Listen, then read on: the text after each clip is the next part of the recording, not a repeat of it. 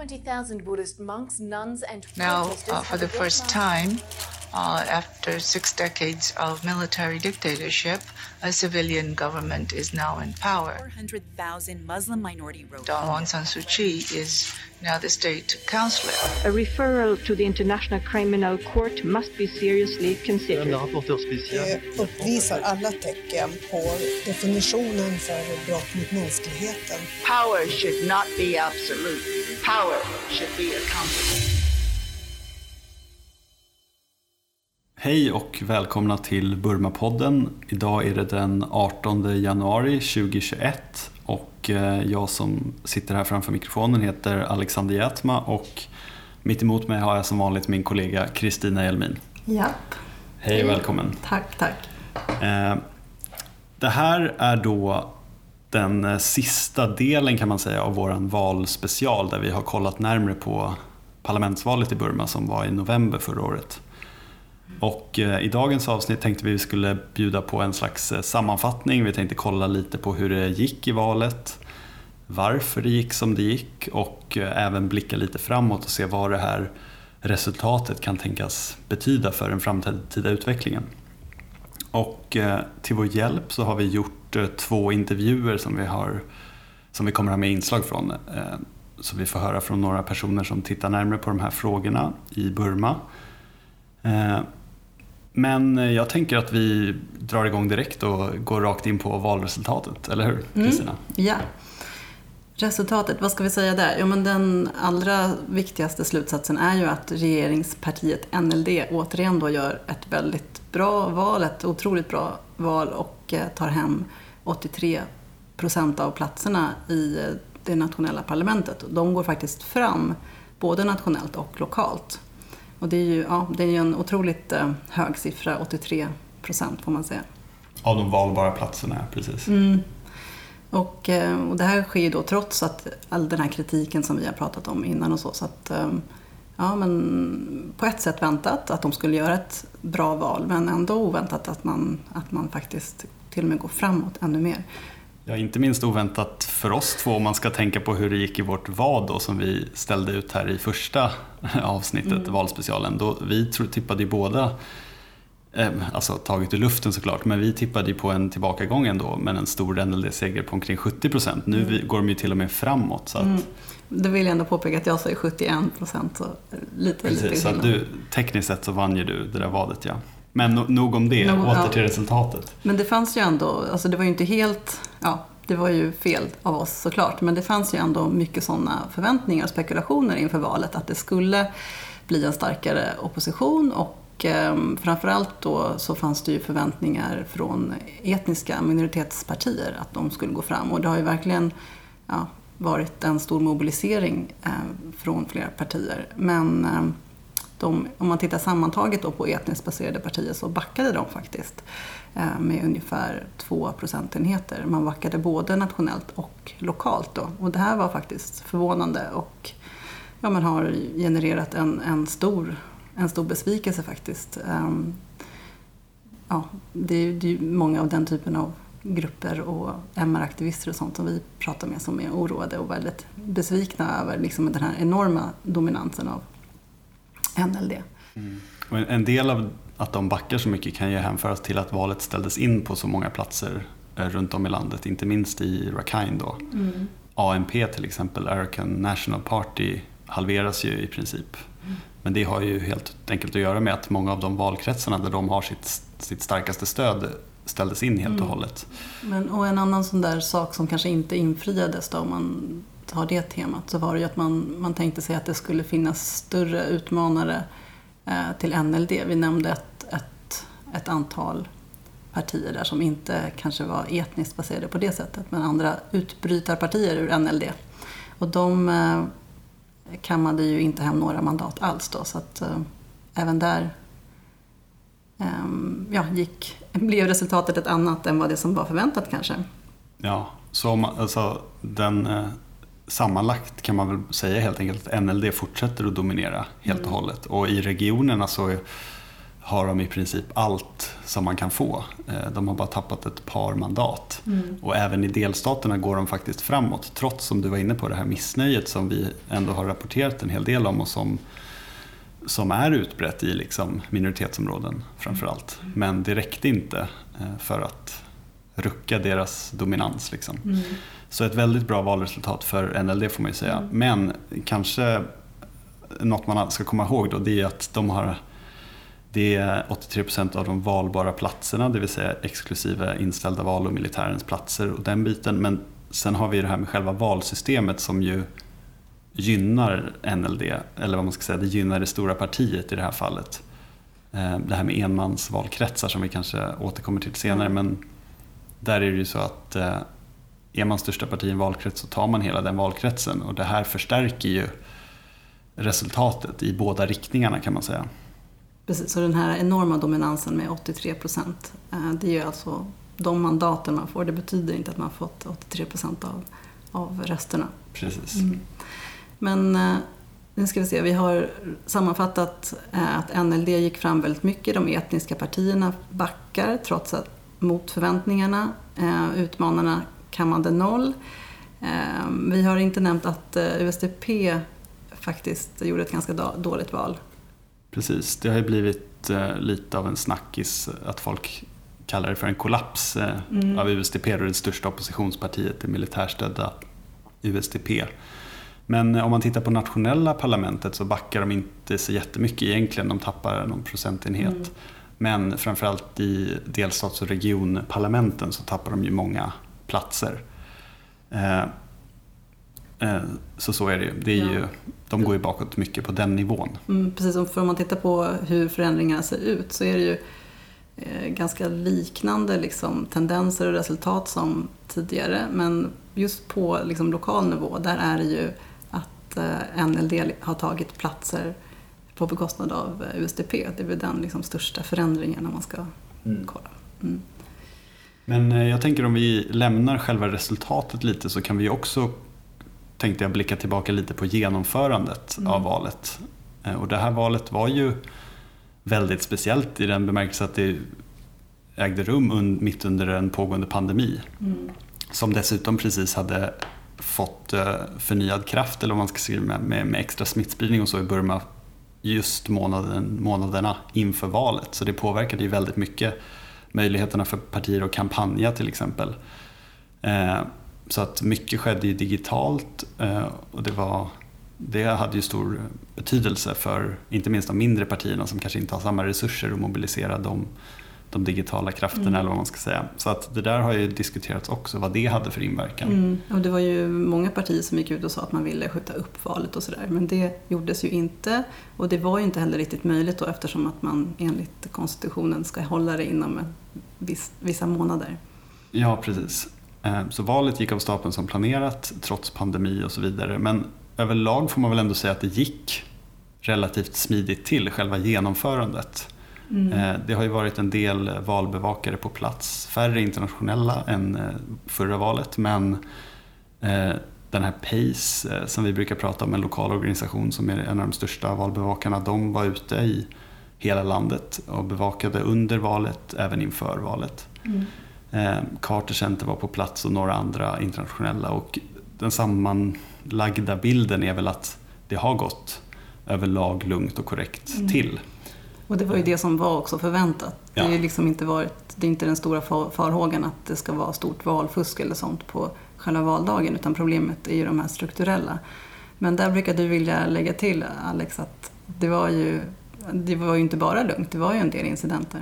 Nej, precis. Jag, tänk, jag, tycker när man har läst lite om det här valet så är det ju den här bilden som dominerar, att det gick lugnt och, och korrekt till och det gjorde det förvisso. Men om man tittar på till exempel perioden inför valet så var det ju en hel del sammandrabbningar mellan supportrar. Alltså det låter kanske lite platt när man säger det, men det var flera personer som faktiskt omkom i de här sammandrabbningarna runt om i landet. Det var även eh, de här NLD-politikerna som mm. kidnappades i Rakhine när de var tre stycken när de var och kampanjade där.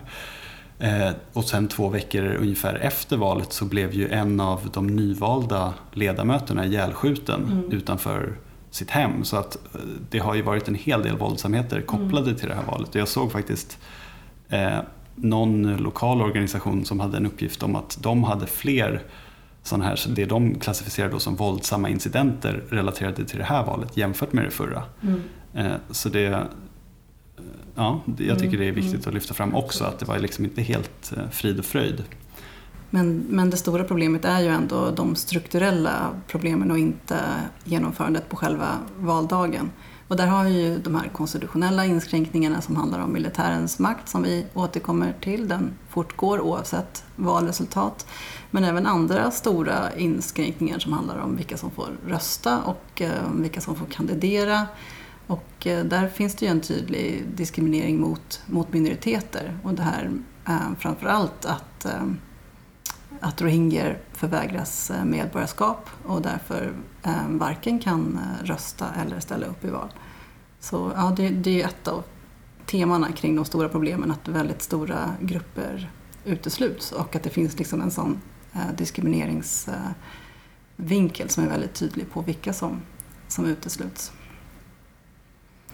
Och inför det här valet så det har inte blivit förbättringar alls faktiskt, utan snarare försämringar. Dels en del, finns det ju en del exempel på att, eh, ja, hur man liksom har diskriminerat kring kandidater och sådär. Men sen framför allt det här med de inställda valen som vi var inne på i den förra podden.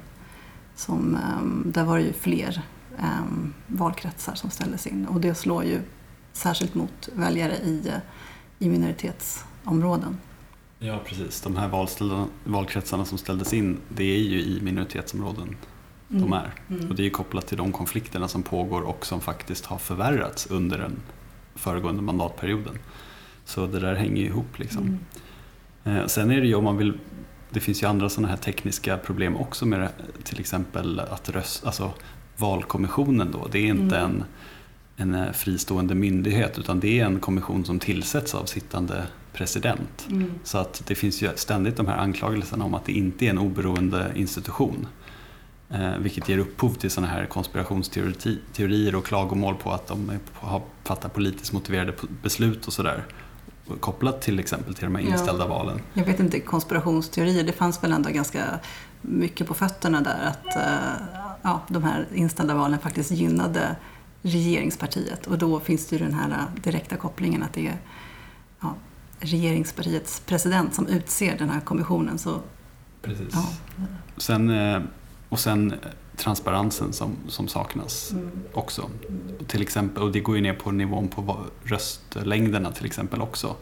Där det har varit, både inför förra valet och det här valet, stora, ja man har ifrågasatt helt enkelt mm. eh, eh korrektheten i, i röstlängden och sådär. Men jag tänker att vi ska försöka gå vidare lite och kanske titta lite mer på eh, Eh, eventuella förklaringar då till varför det gick som det gick. Hur kunde NLD vinna så stort igen och varför lyckades inte de här etniska partierna förbättra sina resultat trots eh, stora ansträngningar och att de har gått samman till större enheter och sådär. Och eh, för att hjälpa oss lite på traven här så har vi gjort en intervju inför den här podden med valanalytikern Sumon Tant som eh, arbetar på ett forskningsinstitut i Yangon som heter MREF, eh, Enlightened Myanmar Research Foundation.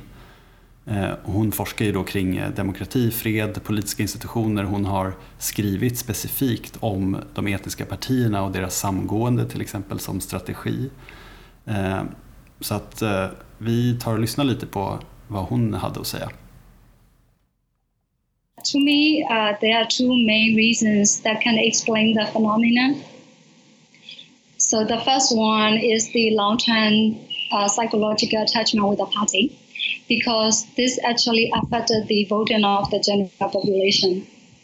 Uh, this means that the government rules the party will, the leadership, the members, their activities, more importantly, the political legacy, which is associated with the uh, democracy movement in 1988. And one of the campaign uh, rhetoric that NLD used during the campaign is that vote for the NLD uh, for all the parliaments, the union parliament and the states and regional parliament. Otherwise, the military will return. And don't vote for the ethnic parties, don't vote for the independent candidates because they might align with the military.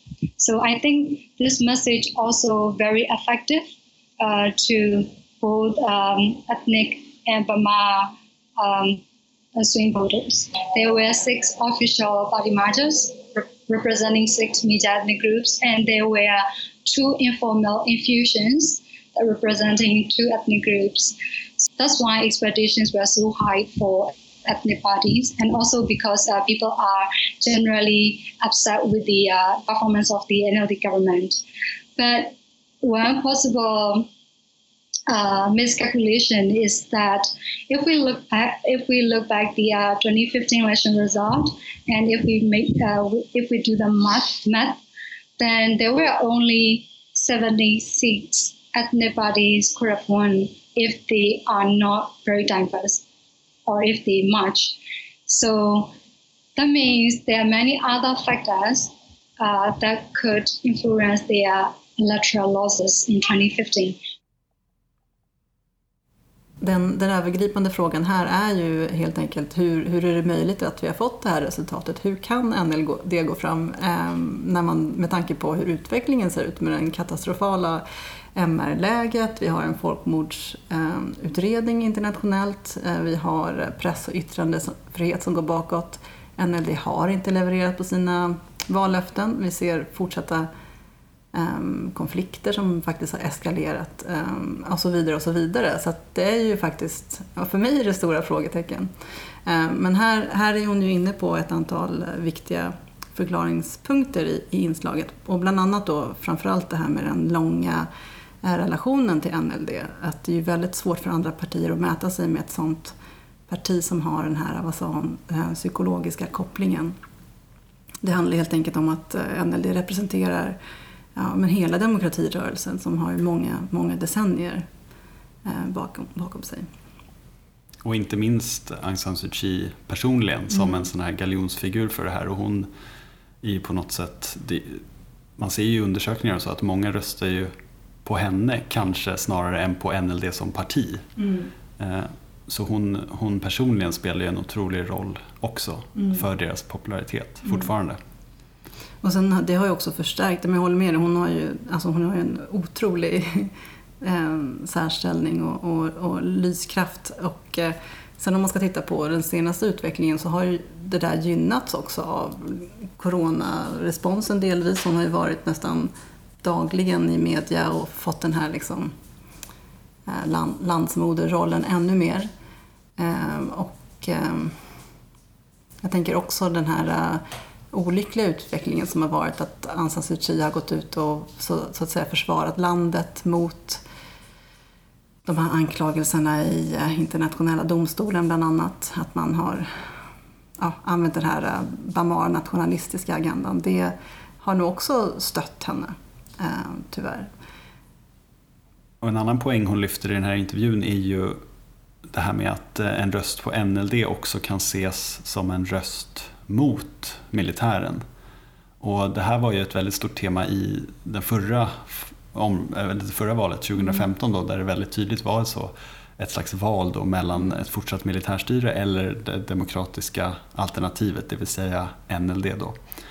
Och det här, vissa trodde ju liksom inför det här valet att man kanske skulle få se en annan slags dynamik men det, om man ska tolka valresultatet så ser det ju ut som att den här delningen mellan eh, militären och eh, NLD fortsatt är en väldigt viktig faktor mm. som, som kan delvis i alla fall förklara varför NLD får det här enorma stödet. Men precis, för att det kan ju handla om att man inte vågar satsa på osäkra kort eller vad man ska säga. Man måste rösta på, på det stora partiet som har, kan stå upp mot, mot militären helt enkelt. Du var inne på att de har ett dåligt, eh, att de inte har kunnat leverera på sina vallöften och så, men det har ju mm. trots allt bara, bara gått en mandatperiod. Och det, det finns ju en, sån tanke också att man, man är villig att ge dem mer tid helt enkelt. Nej, men en övergripande slutsats är ju ändå att NLD har stort stöd. Det tycker jag ändå vi måste vara, vara, vara tydliga med. Det är ju det, eh, det visar ju resultatet, även om det finns de här liksom starka, vad ska vi kalla det för, eh, kontextanledningarna som gör det väldigt svårt för andra partier att komma fram så, så, så är det ändå så. De har ett, eh, ett stort stöd.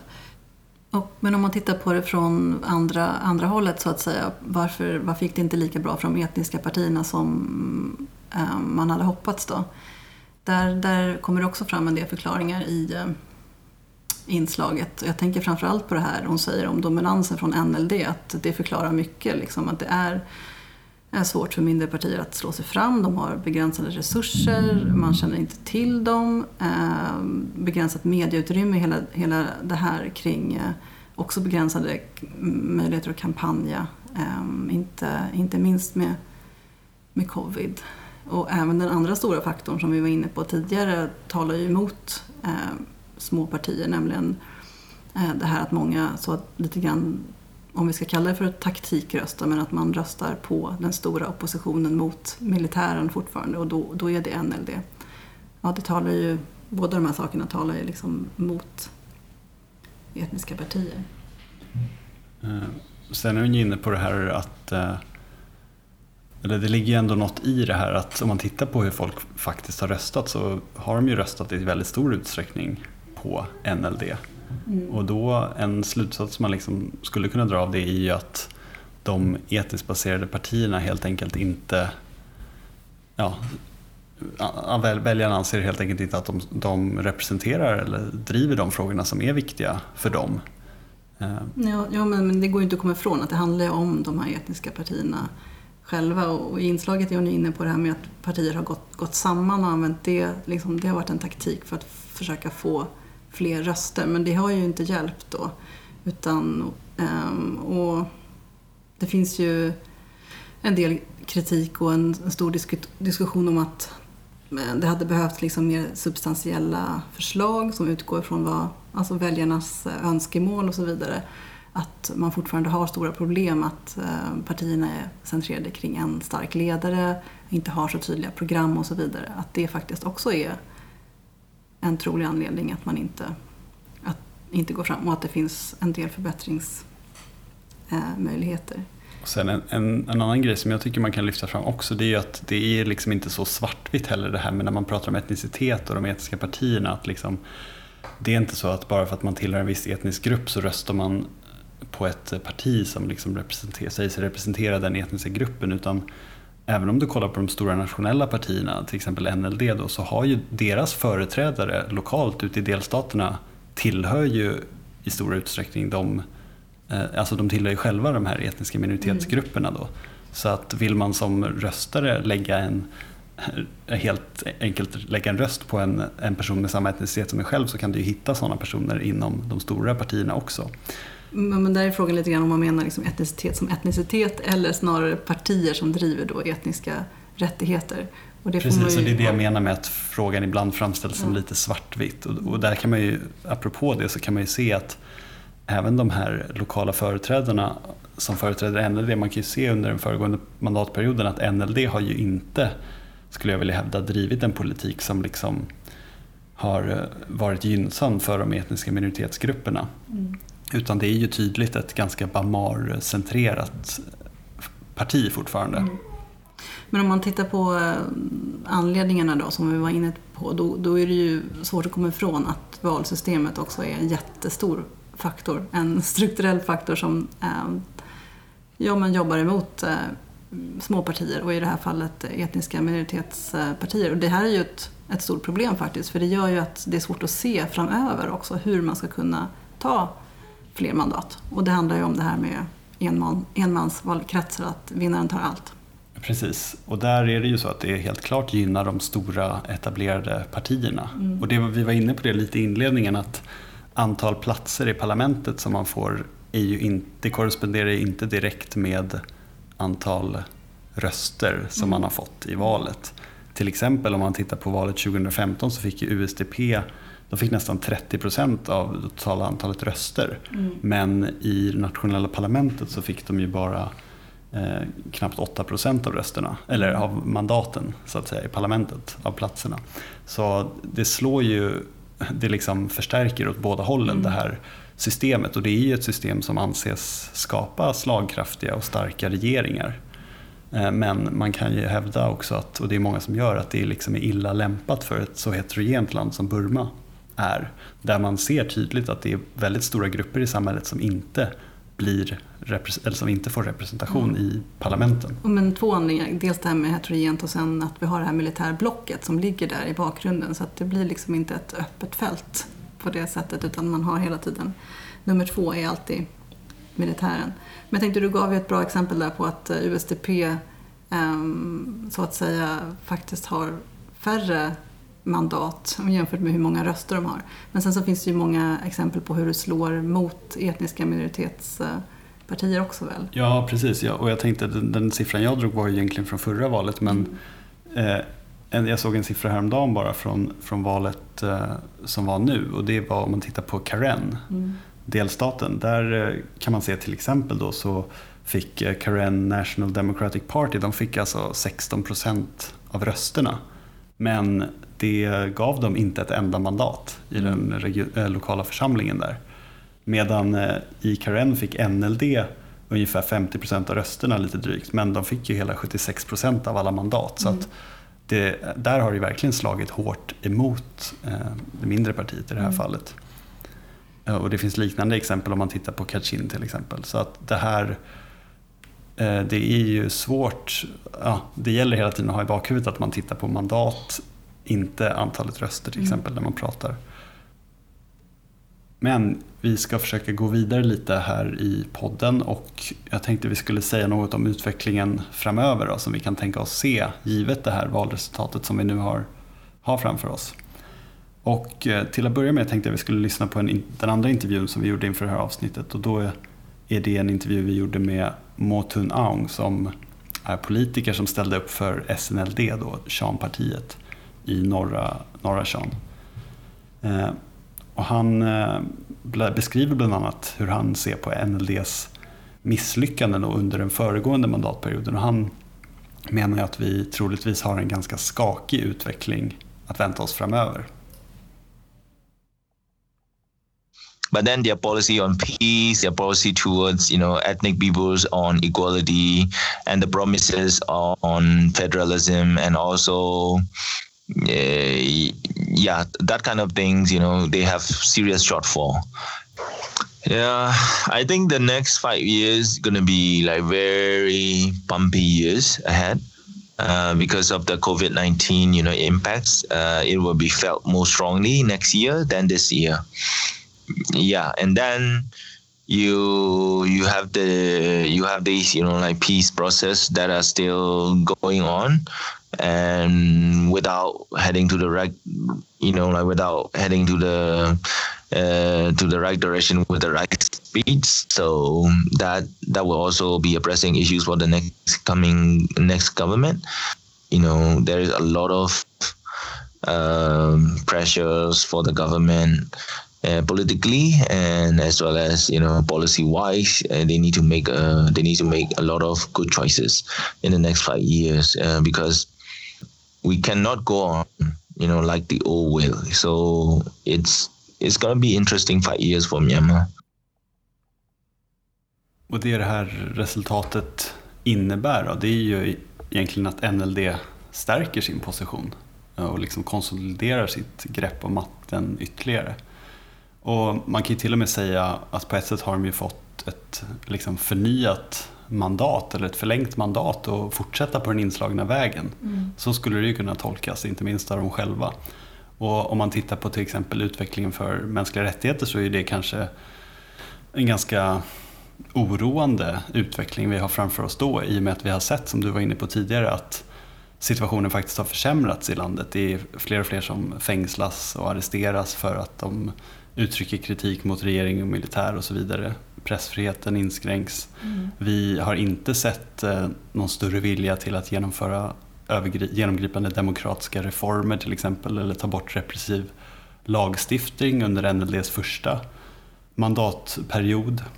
Ja, och bara för att fylla på så finns det ett antal väldigt stora eh, problem och konflikter i Burma som vi inte riktigt ser någon ljusning på. Det finns ingen anledning att tro att det skulle bli förbättringar under den här mandatperioden. Och då tänker jag dels på hela situationen med rohingyer där vi inte ser någon anledning att tro att NLD skulle byta strategi nu inför den här mandatperioden. Snarare att de är stärkta att fortsätta med sina hårda tag. Jag tänker också på de andra eh, interna konflikterna i landet. Eh, där det hade varit viktigt att få in fler eh, Eh, etniskt baserade grupper som just kan trycka på de här frågorna som handlar om decentralisering och inflytande och representation för etniska minoriteter. Och där, där är ju ja, en, en stor fara helt enkelt att eh, vi inte får något tryck i de här frågorna. Och det är just frågor om representation och inflytande och etniska rättigheter som konflikterna handlar om. Och där har vi liksom ett, ett, ett väldigt stort, eh, en stor risk och ett stort problem. Eh, och det är stort att se, svårt att se hur de här stora ödesfrågorna ja, kan få någon lösning helt enkelt. Och kopplat till eh, den här frågan som du nämner om representation så kan man ju också nämna att det är ju liksom, det finns ju flera problem kring representation. Vi var inne på det i en tidigare podd, det här med att Burma har en väldigt låg andel kvinnor i parlamentet. Mm. Nu ser det ut som det faktiskt ökar något, den här andelen. Jag såg någon siffra på att omkring 16 procent eh, nu kommer vara kvinnor, vilket är en ökning då sen sist, men det är fortfarande en väldigt låg andel. Mm. Sen har vi ett annat problem att det är ett väldigt gammalt parlament som tillträder om man kollar till åldersfördelningen och sådär. Mm. Och när det gäller representationer av kvinnor så håller jag med om att det är ett framsteg men eh, egentligen är det ju otroligt lågt, 16 procent, när kvinnor utgör 50 procent av befolkningen så det är ju verkligen fortfarande ett stort um, problem och eh, som har att göra med att ja, kvinnor fortfarande inte ses som ledare och politiker på samma sätt. Jag tänkte att vi skulle kanske nämna, jag vet inte om vi har nämnt siffrorna på etnisk representation. För I början sa vi nog att det var, um, om man tar hela liksom, det etniska blocket, och då menar jag minoritetspartier som driver etniska frågor. Där, där ligger de på 10 procent eh, av platserna i parlamentet. Men om man jämför då med att att ehm, i befolkningen som helhet så brukar man säga att ungefär en tredjedel är från etniska minoritetsgrupper. Så är det ett väldigt stort gap där. Och det är det som vi menar är problematiskt, att det liksom blir stora grupper av befolkningen som, som stängs, stängs ute och kan skapa en hopplöshet för eh, huruvida det är rimligt att, att driva politik inom, inom parlamentet faktiskt i förlängningen. Och samtidigt finns det ju, som jag tror också vi har varit inne på tidigare, det här eh, om man ser på etnicitet rent, rent faktiskt så vet vi ju inte hur sammansättningen ser ut nu men det gjordes en undersökning under förra mandatperioden vet jag där um, ledamöterna själva fick definiera sin eh, etnicitet och då var det mer och där var ju resultatet något annorlunda. Då är det um, nästan 30 procent som tillhör minoritetsgrupper. Så om man ser det på det sättet det var ungefär det som du var inne på tidigare att inom de andra partierna, NLD framförallt och USDP, så finns det också såklart människor från minoritetsgrupper. Jag tänker en annan, en annan grej man kan kommentera tycker jag som, som man hör lite när man ser analytiker och så beskriva valet så, så pratar man ju ofta om att ja, men det här valet har gått eh, liksom, lugnt och korrekt till som vi var inne på förut och att det här är ett viktigt steg i Burmas demokratiseringsprocess. Att Bur Burma, Burma är fortfarande en ung demokrati. Mm. Det här är ju bara det andra relativt fria valet som hålls i modern tid. Eh, men eh, trots det finns det liksom ganska stora brister och, och, även om det här kanske liksom är ett viktigt steg i demokratiseringsprocessen så ser vi ju inte riktigt att demokratiseringsprocessen, alltså landet blir ju inte mer demokratiskt i och med den här folkomröstningen. Det är ju alltjämt den eh, militärens konstitution från 2008 som liksom dikterar villkoren för demokratin i landet. Och det är ju militären som kan avgöra när landet ska ta ytterligare steg i demokratisk riktning. Det kan ju inte en civil regering göra i och med det här eh, vetot de har då i praktiken i parlamentet mot grundlagsförändringar. Mm. Men precis, och det är liksom inte en, en, vi ser egentligen ingen framåtrörelse alls. Så egentligen tycker jag man kan ifrågasätta, eh, är det en fortsatt demokratiseringsprocess vi ser? Utan det är ju snarare att det här hybridsystemet som man brukar prata om har, har eh, återigen befästs. Liksom det fortsätter. Vi har dels en militär makt och så har vi en, en delvis civil eh, regering. Och samtidigt så har vi sett att NLD in, du säger att en civil regering kan inte göra någonting åt den här situationen. Men NLD har ju inte drivit på för demokratiska förändringar heller. Så det är också viktigt att poängtera och en anledning till varför vi, varför vi ser med oro på den fortsatta utvecklingen här. För det handlar ju inte bara om militärens makt utan också de här andra auktoritära dragen som finns och som faktiskt har förstärkts under senare tid. Repressionen och eh, inskränkningarna mot yttrandefrihet, eh, hårdare tag mot civilsamhället och så vidare som faktiskt har gått i, åt fel håll. Och jag tänker också på den här enorma centraliseringen av makt som finns i landet. Och där ser vi inte heller någon positiv utveckling. Eh, vi ser till och med att NLD var det parti som blockerade vissa förslag som fanns mot att eh, ge mer eh, makt. Ehm, att man lokalt skulle kunna utse de här chief ministers till exempel. Så eh, ja, förutom det här med militärens fortsatta makt så finns det ju ett antal andra stora ehm, problem med demokratin. Men det är spännande att se tycker jag att vi har liksom ett, väldigt, ett resultat som är väldigt likt det från det förra valet 2015 men på något sätt är reaktionerna på det här resultatet ganska annorlunda. Jag tänker den liksom eufori och liksom optimism som rådde efter det valresultatet och den här jordskredssegern vi har pratat om för NLD. Nu är det ju snarare så att många, inte minst då om man tänker oss i vårt skrå, liksom MR-branschen, att de som bevakar utvecklingen nu är ju snarare ser med oro på framtiden givet ett väldigt liknande valresultat. Och det är ju på grund av hur NLD har betett sig, som du är inne på, under den här första mandatperioden.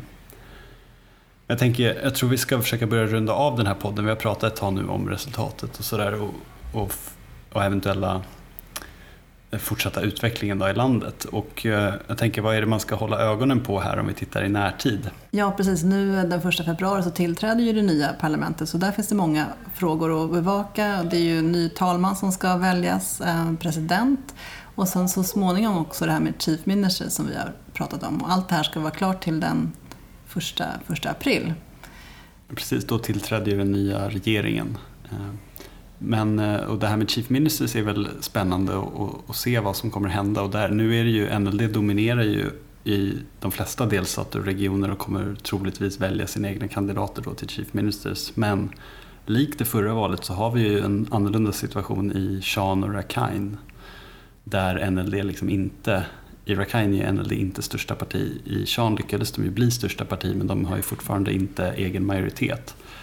Och där är det ju spännande att se då om de kommer de kommer förmodligen behöva samarbeta på något sätt med mm. Eh, SNLD då i det fallet. Men det är ju ändå så att enligt grundlagen är det ju presidenten som utser Chief Ministers och tidigare regeringar har ju alla utnyttjat det privilegiet liksom och hela tiden tillsatt sina egna personer som Chief Ministers. Och anledningen att det är så signifikant är ju liksom att det är de personerna som leder hela regeringsarbetet på delstatlig regional nivå. Och det har varit ett krav från de etniska partierna att den lokala majoriteten ska få utse Chief Ministers.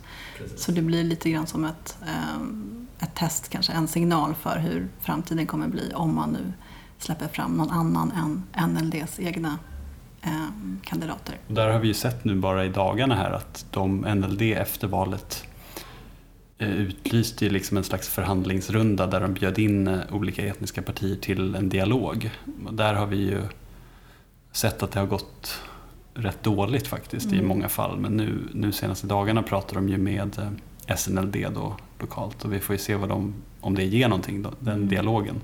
Men hela upplägget är ju egentligen att NLD finns inte så mycket incitament att ha dialog eftersom att man dominerar så mycket. Så det är väl egentligen förväntat kanske att det eh, ja, inte går åt rätt håll.